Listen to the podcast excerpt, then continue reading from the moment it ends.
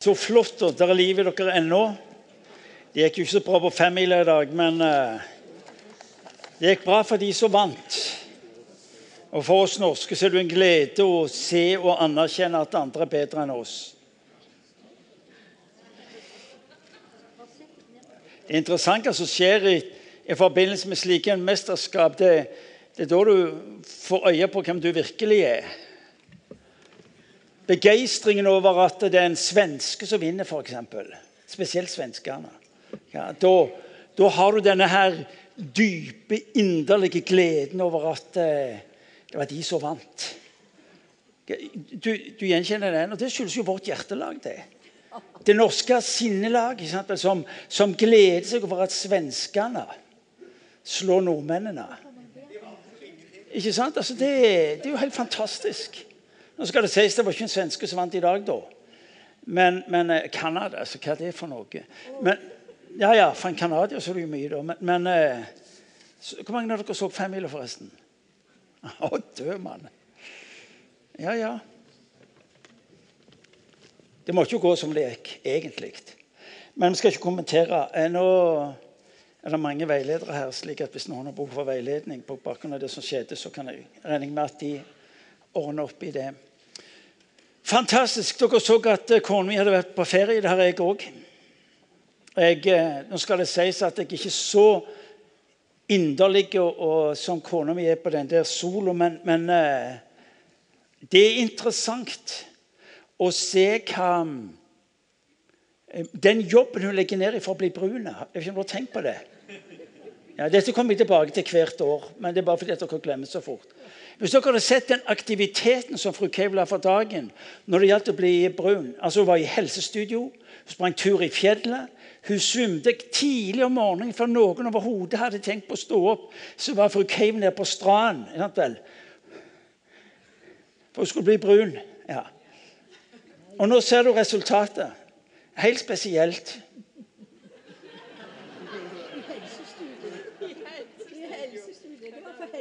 Ja, ja, ja. Nei, nei, nei. Du har fått tak i det, ikke sant vel? Altså, Hun gjorde jo ingenting for å bli brun. Hun gjorde kun én ting. Det var å rette veien lenge nok til at det der gule der framme fikk lov til å gjøre sin gjerning. Er du med? Mer skulle ikke til. Nei, Helsestudio hjalp ingenting. Springe fjellet hjalp heller ingenting. Og det der surret vi skulle stå tidlig opp Jeg lå og sov. Jeg skal ut. Jeg skal, ut og trimme. Åtte om morgenen. Ferie. Alene nede på stranden. Ja, det var noen andre halvgamle som var der nede, men, men Kan du tenke deg nede på stranden forbi hotellet?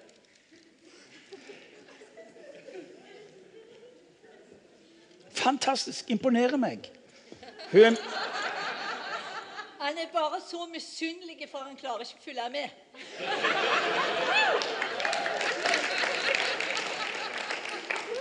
Jeg visste at i det øyeblikket jeg begynte på dette, så tapte jeg kampen. Det visste jeg. Men jeg er helt enig med deg.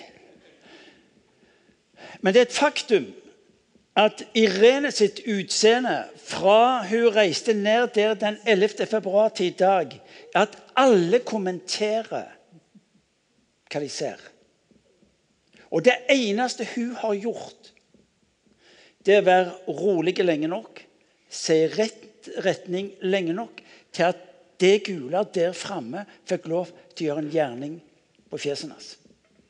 Det er interessant. Men det er egentlig det samme som du så på filmen. Når du og meg ser det mørke, døde, det som synes å være livløst Når det gule der på himmelen, som kalles for sol for de som ikke har sett det så veldig ofte, får lov til å gjøre sin gjerning lenge nok, så skjer det en forvandling.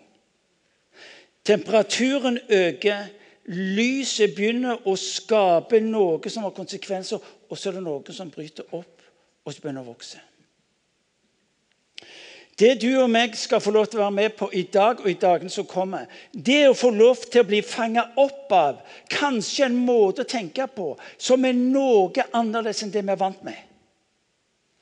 eh, denne kirka har gleden av å være med på et arbeid som vokser helt enormt egentlig. Og for oss er, det er helt klart, for oss er utfordringen hvordan skal vi klare å funde dette. Hvordan skal vi klare å løse den økonomiske utfordringen på dette. Og så tenkte vi ok, vi må, gi, vi må, vi må trykke opp eh, sånne eh, eh, givertjenestelapper. Vi må utfordre på økonomien. Vi vil utfordre dere å, å ta ansvar. Men i denne prosessen så er det noe som skjer. Nemlig at vi ønsker å kanskje spørre Gud hva er det du gjør som hjelper oss å forstå hva vi egentlig er en del av. Så nå kan jeg tenke, jeg ber dere alle sammen å reise dere opp. Kan dere reise dere? Jeg er enig, Det er sikkert uvant å høre fra en talerstol at du blir bedt om å reise deg, men nå gjør jeg det likevel, så får dere heller kjefte på meg etterpå. Kan dere reise dere, og Så tar dere denne lappen og så ser dere på den sånn. Alle har fått en lapp. Dere, ser, dere tar lappen så ser dere på den sånn. Har alle fått en lapp? Bra. Så snur dere dere mot setet. Det ser dere må snu dere helt rundt. Klarer dere det? Det betyr at det du nå har ryggen, skal du ha fjeset ditt. Jeg ser at dere er veldig lure. Hva skjer nå? Og Så legger du lappen ned på setet ditt, og så setter du deg på den.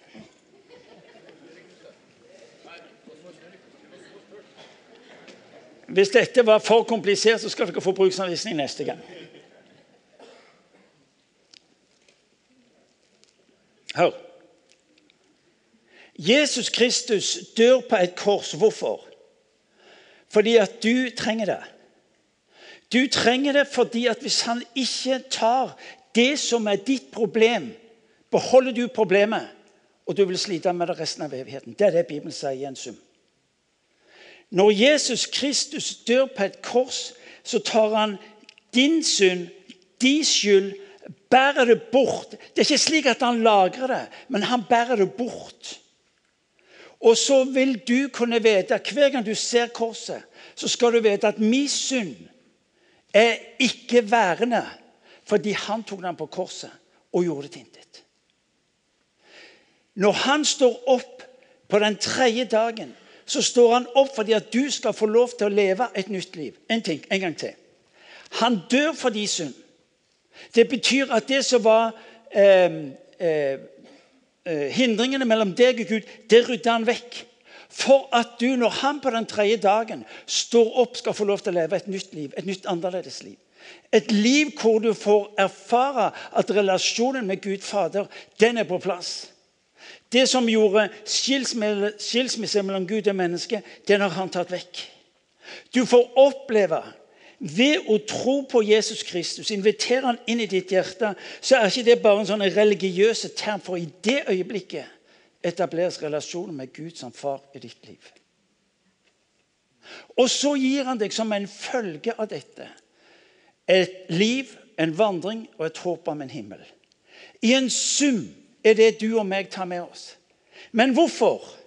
Hvorfor stopper det der? Hva gjør du og meg i denne verden? Hva er poenget med at du og meg fremdeles er her? Dette må du få tak i. Jesus Kristus dør på korset for å forsone deg med far igjen. Men også fordi at du skulle kunne få lov til å leve et liv som var annerledes. Og Skal du og meg forstå det, så hjelper det ikke bare å gå tilbake til en som dør på et kors, men du er nødt til å gå tilbake til historiens begynnelse. For hvis du ikke får tak i hva som en gang skjedde, vil du heller ikke skjønne det Jesus gjør når han dør på korset. I 1. Mosebok kapittel 1, vers 28 så sier Gud la oss gjøre mennesket i vårt bilde. Videre sier han til mennesket bli fruktbare, fyll jorden. Det er det som lyder til mennesket. Så velger mennesket å vende Gud ryggen fordi et menneske har et ønske om å realisere en type liv uavhengig av Gud den allmektige. Og konsekvensen kjenner vi til. Når Jesus Kristus dør på et kors, så peker det tilbake på det som egentlig var den opprinnelige planen fra Gud. Og Dette er så viktig for deg å få tak i. Fordi vi må gå tilbake igjen om vi skal forstå det som er situasjonen med Jesus Kristus og vårt liv i dag. Hans opprinnelige plan Når Jesus Kristus dør på korset, så tas vi tilbake til det som var Guds opprinnelige plan. Gud har aldri forandra sin plan for deg og meg. Han var bare nødt til å justere den. Er dere med meg? Så Gud tar oss inn i en ny måte å tenke på. Tenk om vi hadde lykkes med det. Du er skapt med en hensikt. For en hensikt, ikke tilfeldig. Der du og meg er opptatt med å definere livet ut ifra omstendighetene, definere Gud ut ifra det som er hans kall til deg og til meg. Du er skapt for å skape. Når Gud skaper deg i sitt bilde. La oss gjøre, la oss skape mennesket i vårt bilde. Så tas du inn i en måte å leve livet på som reflekterer Guds måte å leve livet på. Og når Gud tar mennesket inn som Gud, så gir han deg og meg de evner, de forutsetninger, for å fortsette den samme gjerningen. Hvis ikke så blir kristenlivet i stor grad søke for å bli frelst, holde ut og gå klar det som eh, kan få meg på avveier, og så håpe at jeg når fram til himmelen en gang. Nei. Du er skapt for å skape. Se på naturen. Hva, med, hva, hva, er hensikten med det du ser i naturen? Når du ser en blomst, der du ser det vakre i øyeblikket så var tanken og hensikten noe lenger framme. For når høsten kommer, så løsner frøene på blomsten, og så spres det, og så blir det mer blomster. Og så blir det mer av det vakre, flere blomster, mer av det vakre. Poenget med det Gud gjør inn i denne verden, og ser rundt oss også som mennesker, det er at vi, det er en hang hos oss til å skulle skape. Du ser på naturen. Det skjer en kontinuerlig skapelsesprosess. Det skjer en kontinuerlig hos mennesket et ønske om å skape. Derfor er denne verden også der den er i dag. Der du og meg er opptatt med å se det som synes ubetydelig, ser Gud det som Han har gitt oss å være. Ut ifra dette lille skapes noe nytt. Du tenker det lille frøet. Ja, men det er jo ingenting. Ja, spørsmålet Ser du frø, eller ser du treet? Ser du frø, eller ser du skogen? Spørsmålet er hvordan du ser, hvordan du tenker, og hvordan du handler på det som du ser. Bli fruktbare, lød det til de første menneskene. Fyll jorden. Det starter med Guds hage. Målet var verden ut forbi hagen. Målet var verden utenfor bihagen. Skapt i hans bilde for å skape som han. Når Jesus forlater sine disipler, hva er det han sier til dem? Gå ut i all verden. Lær de å holde det jeg har lært dere. Hva er det Jesus Kristus dypest sett har lært sine disipler? Skape. Skape. Og Gjennom historien så fikk du se hvordan det nye liv ble skapt i et menneske. Det ble forvandlet en familie, det forvandlet byer, og så forvandlet det nasjoner. Jesus satte i gang en skapelsesprosess. Når du og meg i denne verden er mer enn et sånn en blink der og et blink der, og så som et ord der Nei, må du på å skape. Og Hvis du og meg mister dimensjonen av å skulle skape, så blir virksomheten det vi klarer å få det til enhver tid. Nei, det er ikke der det er. Derfor er det viktig at du får tak i dette. Fordi at vi er skapt i hans bilde for å skape som han. En ny måte å leve på. Hør nå. Du er skapt, du er frelst, du er utrusta for å skulle skape. Det gir oss en ny dimensjon i livet. Du er en medskaper skaper. Hva i all verden skal du med Den hellige ånd hvis det ikke var for at du skulle være med å skape?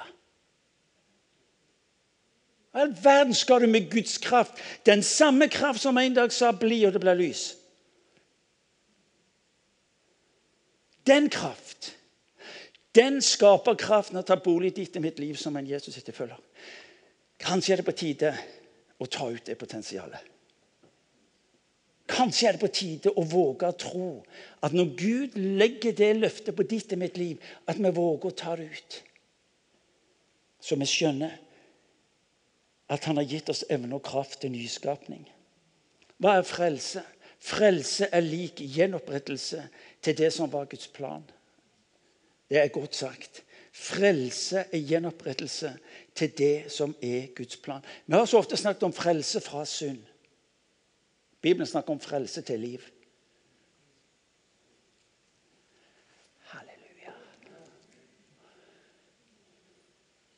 Vårt liv er ikke primært et kall å skulle takke for det vi er frelst fra. Vårt kall er skal få lov til å være å bekjenne og proklamere det vi er frelst til.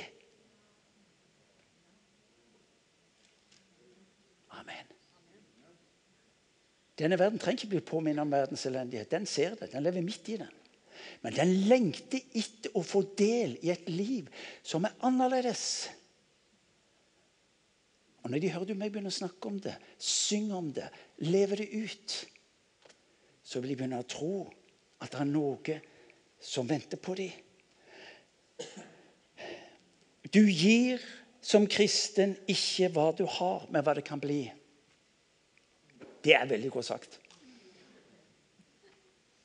Du gir ikke hva du har, men hva det kan bli. Ser du frø, eller ser du treet? Ja, frø er jo ingenting, og det er ubetydelig. Og, og jeg hva, Du ser ikke hva du har, men du ser hva det kan bli. Når Jesus var med kvinnen ved brønnen, Johannes evangeliet kapittel 4, så sa han markene er hvite. Høsten er stor. Hva var det han så for noe? Han så folket fra landsbyen komme.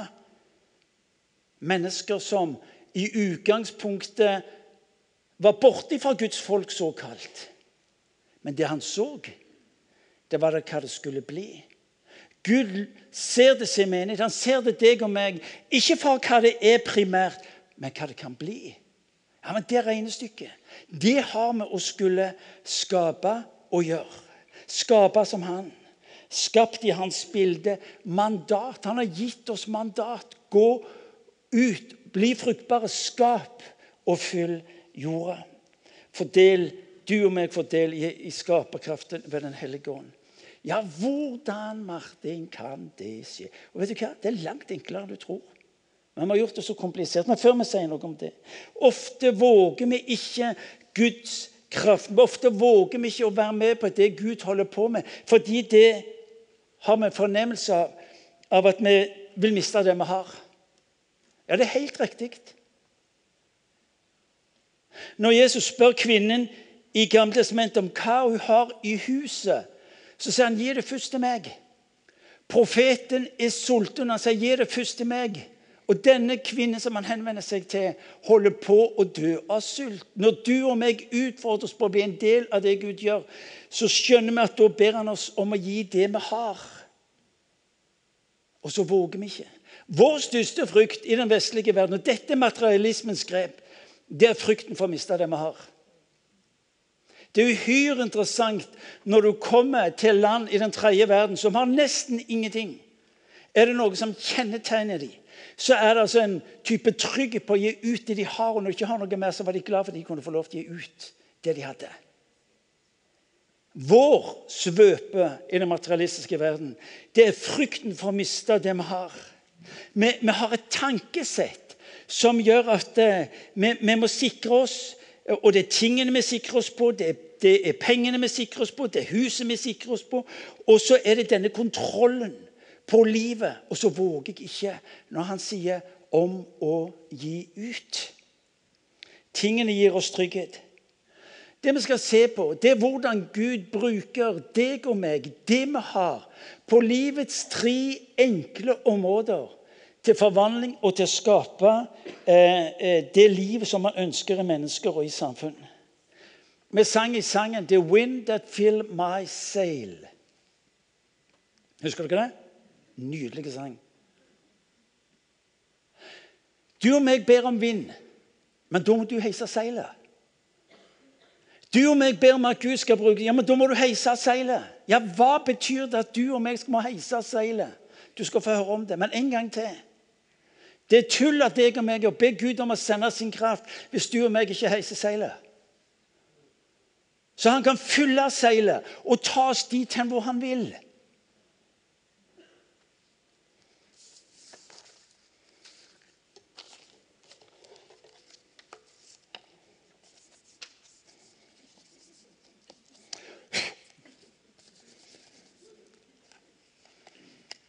På tre områder forholder han seg til deg på. Det første han forholder seg til, til deg, deg som menneske. Og Jeg tenkte jeg måtte ha med et bilde som illustrerte det, slik at dette ble konkret for oss. Ja, det er søtt. Jeg er enig i det. Det er søtt. For deg som ikke ser det, så er det bilde av kona mi. Jeg tenkte det vil gjøre seg bedre enn bildet av meg. Du er enig i det? Det er vakkert. Nå må du stå der. Sånn. Han bruker deg til å skape. Dine ord skaper det det nevner. På din tunge, sier Guds ord, finner du liv og eller død. Du avgjør når du kommer inn i et rom, når du møter mennesker, om det er livet som skal rå der, eller om det er døden som skal rå der. Du skaper med dine ord en atmosfære av liv eller død. Leif Hetland sier det igjen og igjen. Når jeg kommer inn i de umulige situasjoner, så har jeg ett fokus til å skape en atmosfære som forvandler det som er den gjenlærende atmosfæren. Dine ord skaper det det nevner, sier Guds ord. Du er en som har anledning til, der hvor du går inn, til å skape en forandra situasjon. Du kan fysisk våge å være nær smerten, sorgen, ulykka, bare ved å være der. Du skaper ved ditt blotte nærvær. Når livet er vanskelig for folk, trekker du deg unna. Ja, Da skaper du en opplevelse av avvisning, død. Men våger du å være nær, ja, da skaper du nærvær, nåde, en opplevelse av å bli sett, av å bli båret. Når Gud skal skape noe, så bruker han deg, ditt liv, dine muligheter. Liv, død er på din tunge. Når du går ut herfra, så kan du velge om du skal skape liv eller død. Din taushet er mange ganger død. Dine ord kan skape. Du velger om du vil skape. Du kan gjerne be for det mennesket situasjonene. Men Gud trenger en som han kan få lov til å bruke til å tale livets ord inn i de umulige situasjonene. Du kan gjerne be om at Jesus skal være nær mennesket, men han sier, 'Vil du være nær?' Slik at jeg kan være nær ved deg.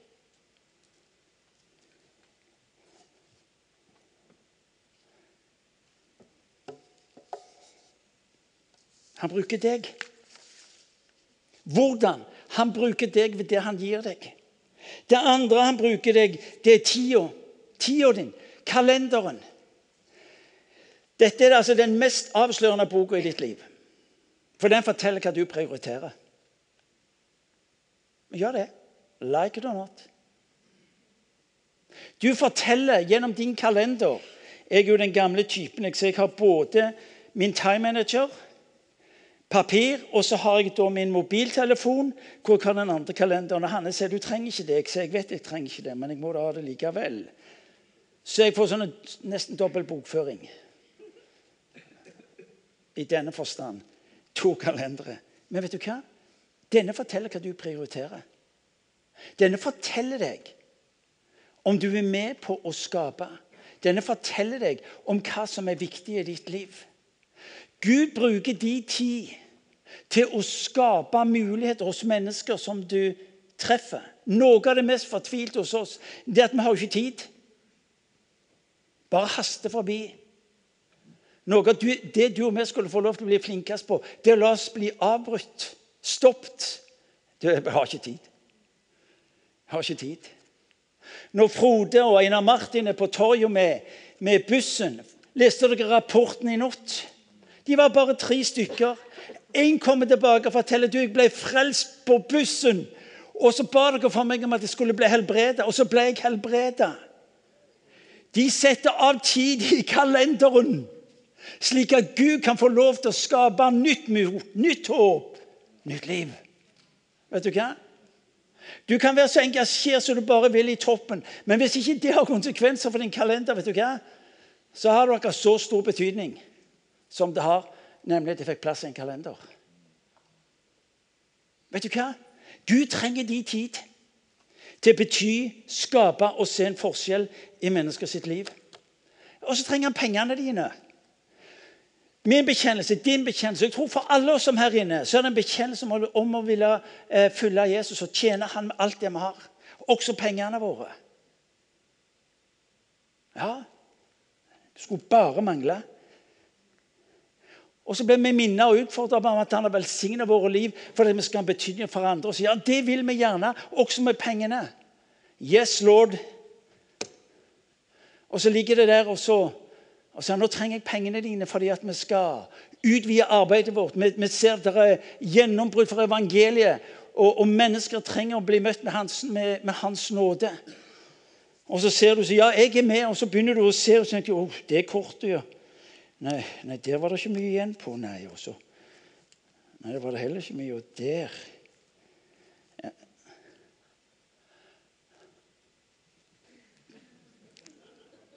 Du trenger penger, var det det du sa? Nei, sier han, jeg trenger ikke penger, men de trenger de. For når du gir ut penger, så, så får jeg lov til å velsigne det. Ja, men du ser at det er huset og hytta og båten og feriene og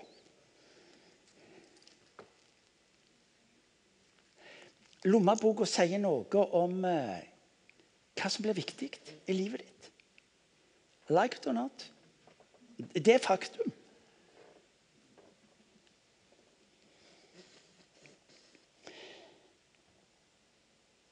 Du ønsker å bety en forskjell for andre med pengene dine. Det vet jeg hvis ikke så hadde du ikke vært her.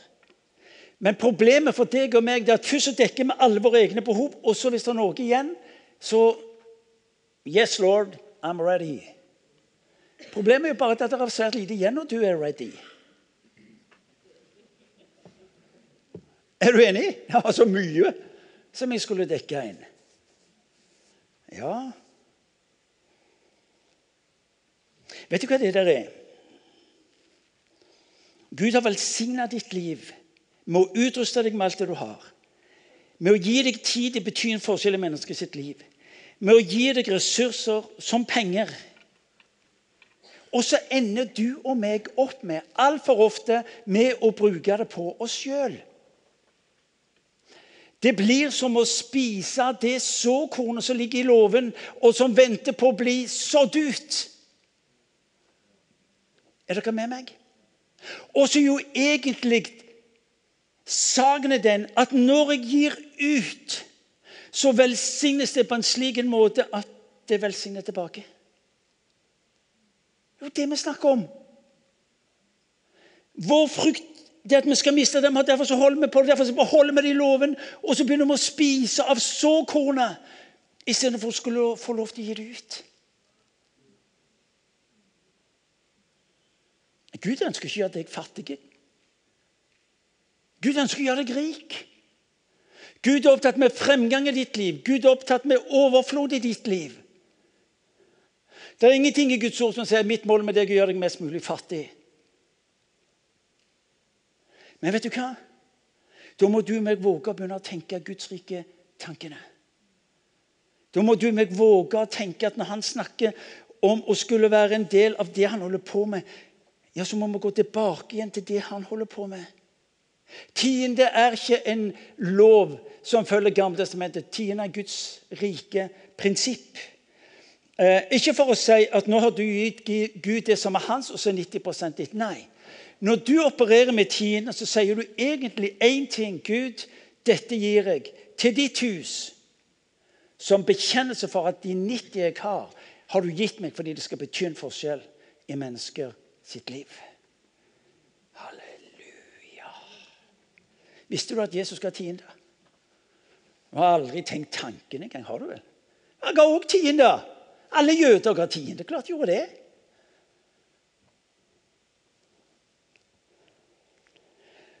Hva sier Guds ord? Vi må få med oss litt fra Guds ord, for det, det gjør seg alltid. Skal, det, skal, vi høre på han der, så må det i hvert fall være fra Guds ord. Ja. Paulus skriver til menigheten Korint, en ung menighet. Den har eksistert i fire år. og Så sender han et brev til dem, og så sier han, vet du hva? Jeg må si dere noe. Og hvis dere syns jeg er tydelig, så er det ingenting mot det Paulus til tider gjør. For han sier bl.a.: Men det sier jeg dere. Den som sår sparsomt, skal høste sparsomt. Sparsomt betyr gjerrig. Teksten betyr egentlig gjerrig. Den som sår gjerrig, skal høste gjerrig. Og den som sår rikelig, skal høste med rik velsignelse. Altså, Det er Paulus sitt ord til menigheten. Og så sier han og Gud er mektig til å gi dere all sin gave i rikt mål, så dere alltid og under alle forhold har det dere trenger. Ja, har overflod til all god gjerning. Har alt, alltid til all god gjerning. Hva er det vi bekymrer oss for? Hva er det vi bekymrer oss for? Han snakker til en liten menighet. En menighet som utfordres på livet. Og så sier han, 'Jeg har en Gud som er mektig til å gi dere alt i rikt mål, slik at du har overflod.' Hvem av dere du skal slippe, slippe rekke opp hånden. Hvem av dere vil ha overflod til all god gjerning? Ja, dere kan få lov til å rekke hånden. Dere som ikke rekker opp hånden, dere vet ikke. Men så sier vi en forbindelse mellom det Overflod Det er hva du gir inn.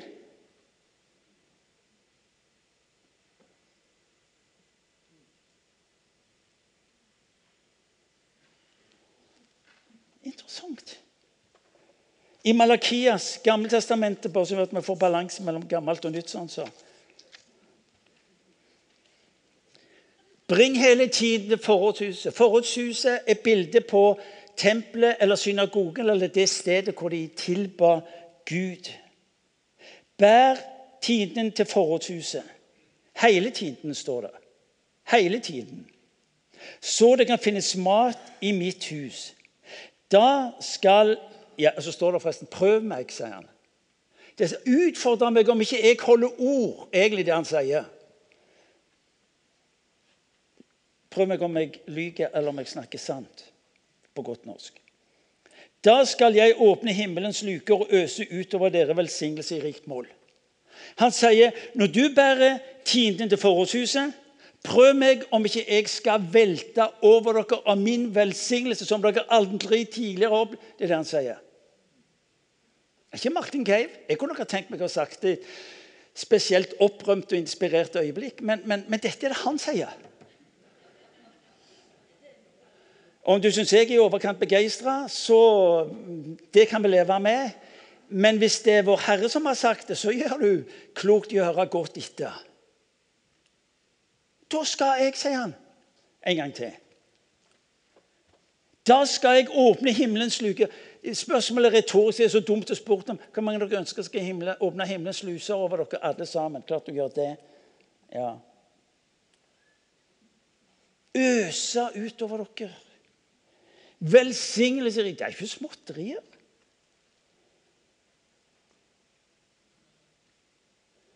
Når dere bærer tiden til mitt hus. Og så står det en ting til. Når du praktiserer disippelskap og etterfølgelse av Kristus på den måten, så står det også videre.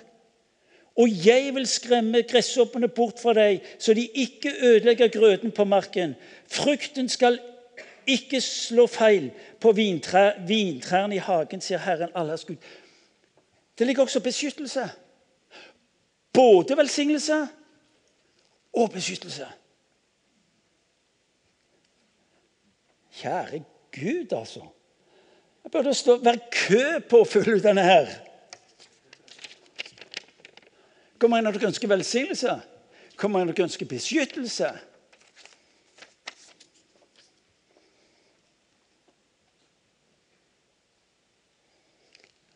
parentes. Den er personlig, men det er ikke så farlig. Tienden er jo ikke målet. Tienden er begynnelsen. Er du med? John Grisham, har dere hørt om han? Fabelaktig forfatter, krimforfatter. I tillegg sterkt religiøs eller kristelig, som de sier enkelte steder i verden. Han sier jeg gir 90% jeg. 90% For når jeg ser hvordan Gud velsigner, hvordan kan jeg la være å gi? 90% Det er målet. Irene og jeg har valgt å være ærlige på vår økonomi. Det er fordi at dere skal vite at vi står ikke bare her og prater, men vi praktiserer det vi sier. Og Det betyr at Irene og meg gir av vår økonomi 20% av bruttoinntekt. Hvis du syns det høres fromt ut, så går du heller for forklaringen. Når vi ser hvordan Gud velsigner, kan vi ikke la være å gjøre det. Hvis det høres litt egoistisk ut, så kan jeg leve vel med det. Ja, Betyr det at vi alltid har hatt sånn oppoverbakke og alt å gå på? Nei. Men de gangene når det var trange tider og det var vanskelige tider, og vi sleit med økonomien, så visste vi at det vi hadde gitt, hadde betydning i andre menneskers liv. OK! Da lever jeg med det. Fordi Gud velsigner tilbake. Vi har ikke mangla noen ting i denne tida. Du er kalt til å være en medskaper, og Gud bruker deg med dine gaver og utrustning. Vi må begynne å slutte. Når du står opp, hva kan jeg få lov til å være med å skape? Når du står opp, hva kan jeg få lov til å se skapes av fred og av håp? Hva kan jeg se at denne menigheten representerer? Der den med sin virksomhet en, eh, tror jeg, en fyrlukt, fyrlukt i denne delen av verden. Ikke bare i vår by, men i landet og videre utover. Dere må få en liten historie. Det blir litt lenger enn planlagt, men er det OK? Du har lest om brødunderet i, i Johannes evangeliet kapittel 6. Eh, Jesus ser 5000 mennesker og en haug med unger og, og, og, koner.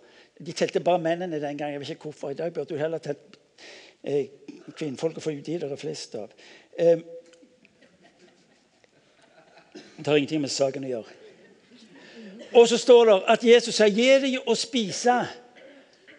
Og så står det videre Og Jesus visste selv hva han ville gjøre. Det er så fascinerende. Jesus visste selv hva han ville gjøre. Parentes. Ved at du i denne verden, er du en del av det han ønsker å gjøre i denne verden. OK? Ja, jeg òg tror det. Og så er det to reaksjoner.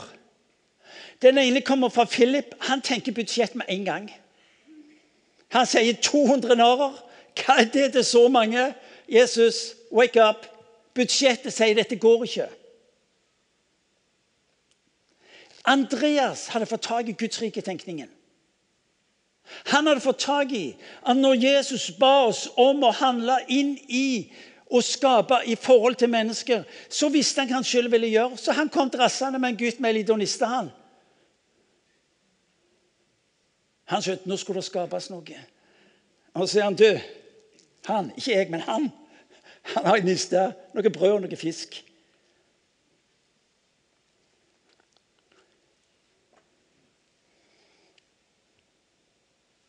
Han hadde en gudsriketenkning som ikke tok utgangspunkt i hva jeg hadde med hva det kunne bli. Ikke hva det representerte av begrensninger, men i hans hender hva som kunne bli skapt. Ja, men jeg er så liten og ubetydelig og hva jeg skal si. Og, og vi er eksperter på de der regnestykkene. Det er budsjett på eget liv. Sett fyr på det.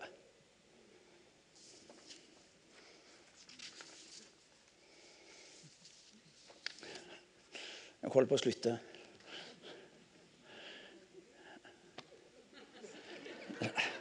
Ja, Betydde det at jeg skulle slutte?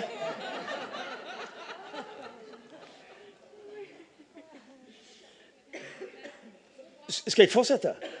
Ja, ja, ja. ja. Det, det er ikke lett å få tak i, disse kristne tilrop og sånt. Hva er det sånn? Jeg skal begynne å slutte. Ja, halleluja.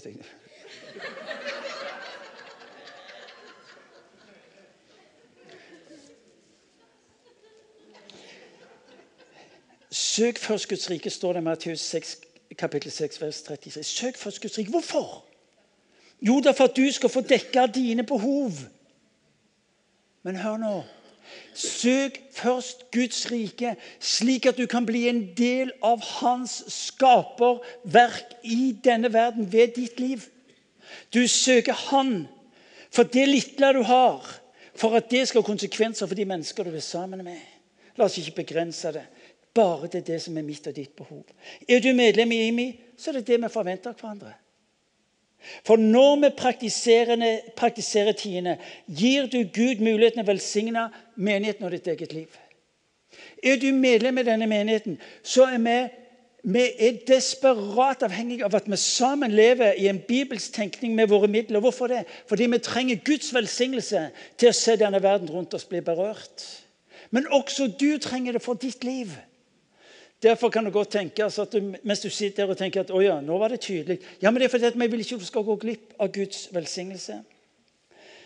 Kan jeg be dere om å følge riktig godt med? Du sitter på en Guds rike mulighet.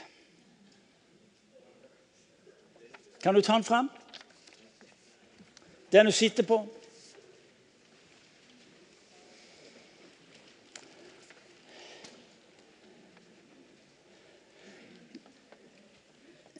Denne utfordrer deg til å starte opp. Den utfordrer deg til å øke. Ikke primært for det defineres et behov i denne menigheten. Jo da, vi har drabelig behov når det gjelder økonomi. Men du hører ikke meg snakke om behovene. For du skal ikke styres nå av menighetens behov. Du skal styres av det som ligger på Guds hjerte. For ditt liv, for menighetens liv. Det betyr en forskjell. Vi styres ikke av omstendighet, vi styres av det faktum at han har bedt oss om å gjøre det. At Irene og jeg har valgt å praktisere eh, som vi gjør når det gjelder forvaltning av våre ressurser, går ikke primært på denne verdens behov, men det går på det Gud har sagt til oss. Og det lever uavhengig om vi er enige eller uenige, forstår eller ikke forstår det som skjer rundt oss. Du er en del av det han gjør i denne verden. Dette er ingen dugnad. Dette er en Guds rike mentalitet som skaper og nyskaper. Hva er det denne verden trenger? Jo, den trenger å erfare at det skapes nyskapes eh, i denne verden av det som har med Guds rike å gjøre. Du er skapt for å skape. Som en del av storfamilien IMI er vi gitt en unik mulighet til å være med i det Gud gjør inni denne verden og skape. Vårt mål med disse møtene denne, disse søndagene i mars, det er at du skal få en tankegang som sier at hver gang jeg står opp, hva kan jeg skape? Av håp, av fred, av nytt mot. Hva kan jeg få lov til med de midler jeg har, til å skape? For ved det å betyr en forskjell. Og så er altså mesteren så god at han i tillegg velsigner deg fordi du våger å handle på det han gjør inni ditt. Spørsmålet til deg og meg ikke hvor mye penger vi har, men hva du vil skape. Hvor mye vil du skape? Hva vil du skal bli sagt? Nei, Han er så gjerrig. Han er så opptatt med å karate seg. Han er så raus. Han gir ut. Vet du hva? Hvem i all verden trives sammen med de gjerrige? disse her måtelige. Jeg elsker å være sammen med folk som er rause. Fordi de gjør noe med meg. Denne verden trenger å møte det rause. Spørsmålet er ikke hvor mye penger du skal få lov til å gi, men hva du vil skape. Vær med på å skape i mennesker sitt liv. Du og meg skal få lov til med stor frimodighet å be Herren om å velsigne de som er ut forbi. Men det er en livsfarlig bønn, for i det øyeblikket så ber han deg om å være middelet. Når du sier Gud, du må være nær de menneskene, så sier Gud ja, det er riktig. Kom, vi går bort til det mennesket. Når du ber Gud om at han skal eh, være nær mennesker i de vanskelige tider, så vil han si ja, det er flott. Da går du og meg bort, og så skal vi bruke de tider betyr denne forskjellen.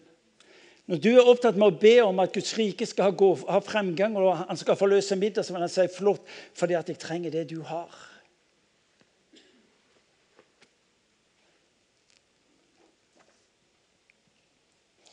Einar Lundby, en av grunnleggerne av Modum Bad nervesanatorium, han sa når jeg ser hvordan Gud velsigner når vi gir, så er det nesten så jeg får lyst til å spekulere.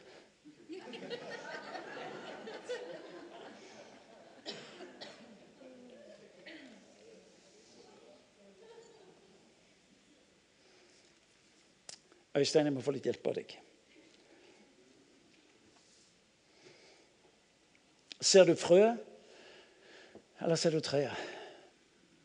Ser du for deg blomsten der den har hatt en vakker sesong, for så gå over i en sesong hvor frøene begynner å gis ut, lande på ulike steder, fascinerende å se plenen ut forbi oss fordi at, eh, hjemme på Sunde. fordi at Naturen lures nå litt av skiftningen i, i temperatur. Men plutselig så dukker det opp en hel masse blomster rundt omkring i plenen. Og jeg vet at kona mi aldri har planta de blomstene i plenen. Men noe skjedde en dag. Vet du hva? Det er naturstridig å ikke skulle gi videre. Du ser det på blomstene, trærne. Du ser det blant menneskene, blant dyrene. Men det gjelder også for oss som er et gudsfolk. Det er naturstridig å ikke gi ut av det Gud har velsigna våre liv. Masse altså fokus på penger. For når de er på plass, for når de er på plass, så kommer alt det andre av seg sjøl. Masse tidspunkt hvor vi får uh, ha et fokus på penger. Fordi vi ser i egne liv, men også i andres, at når mitt forhold til det som har størst tak på hjertet mitt, når det er på plass, så kommer de andre tingene av seg sjøl. Når det gjelder skulle leve i en etterfølgelse av Han. Du har slippen foran deg.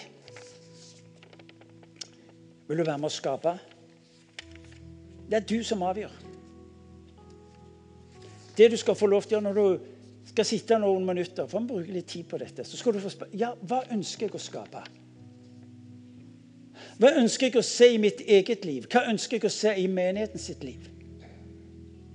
Hvis det vi nå ser rundt oss, bare begynnelsen på et verk Gud gjør mellom oss, folkens, hva vil jeg være med å skape. Jeg snakker ikke om penger.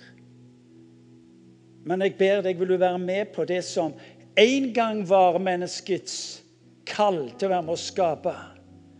Til det Jesus på korset gjenoppretter og muliggjør for at du og meg ved Den hellige ånd skal få lov til å fortsette å skape. Hva vil du skape?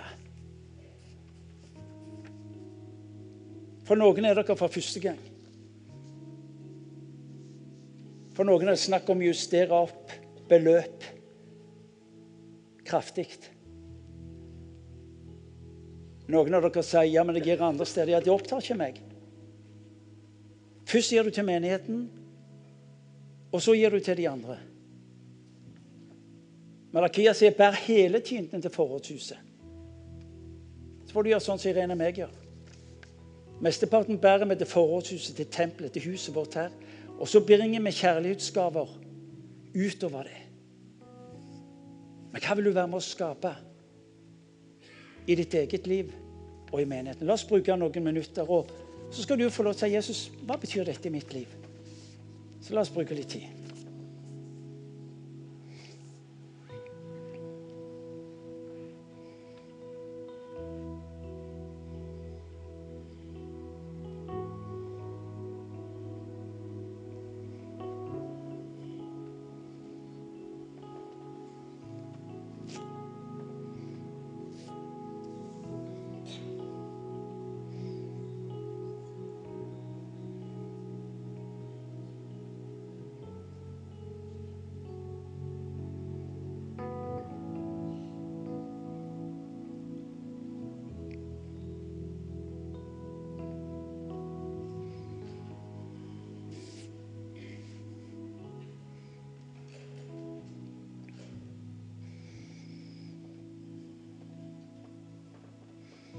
La oss gjøre det konkret. Mens du sitter der, så kan du skrive ut.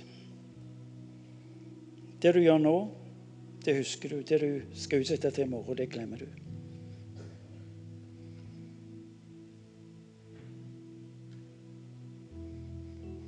Og Så ligger det en konvolutt bak ved miksepulten som du kan legge den oppi, og så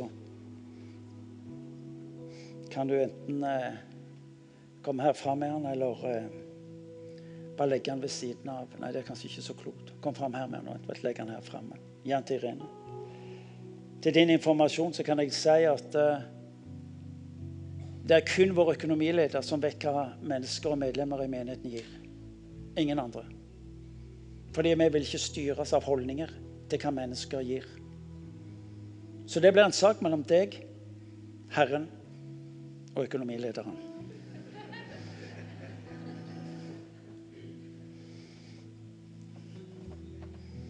La oss reise oss.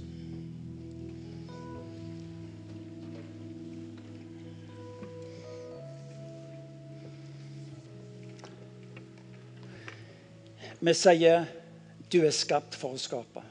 Kan du tenke deg noe så vakkert? Hvorfor lever du? Og jeg lever for å skape. Hva er drømmen, hva er visjonen i livet ditt? Jo, det er å skape nytt håp, ny tro, ny glede. Kan du tenke deg noe så vakkert som å skulle få lov til å tenke at det er mulig uavhengig av ressursene du måtte ha, utover at jeg sier 'Herre, dette er det jeg har', og han sier det er akkurat det jeg trenger. Det er akkurat det jeg trenger. Ei dame som hadde to eh, små mynter med null verdi. Hans utgangspunkt er ikke hvor mye, men det du gir gir du av et glad hjerte. Fordi du vet at dette er dypest sett hans. Og når jeg får lov til å gi ut, da rekker jeg det såpass langt fram at han får sjanse til å velsigne det. Du er skapt for å skape.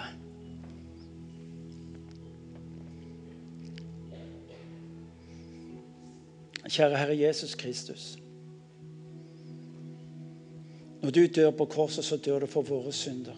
Du gjenoppretter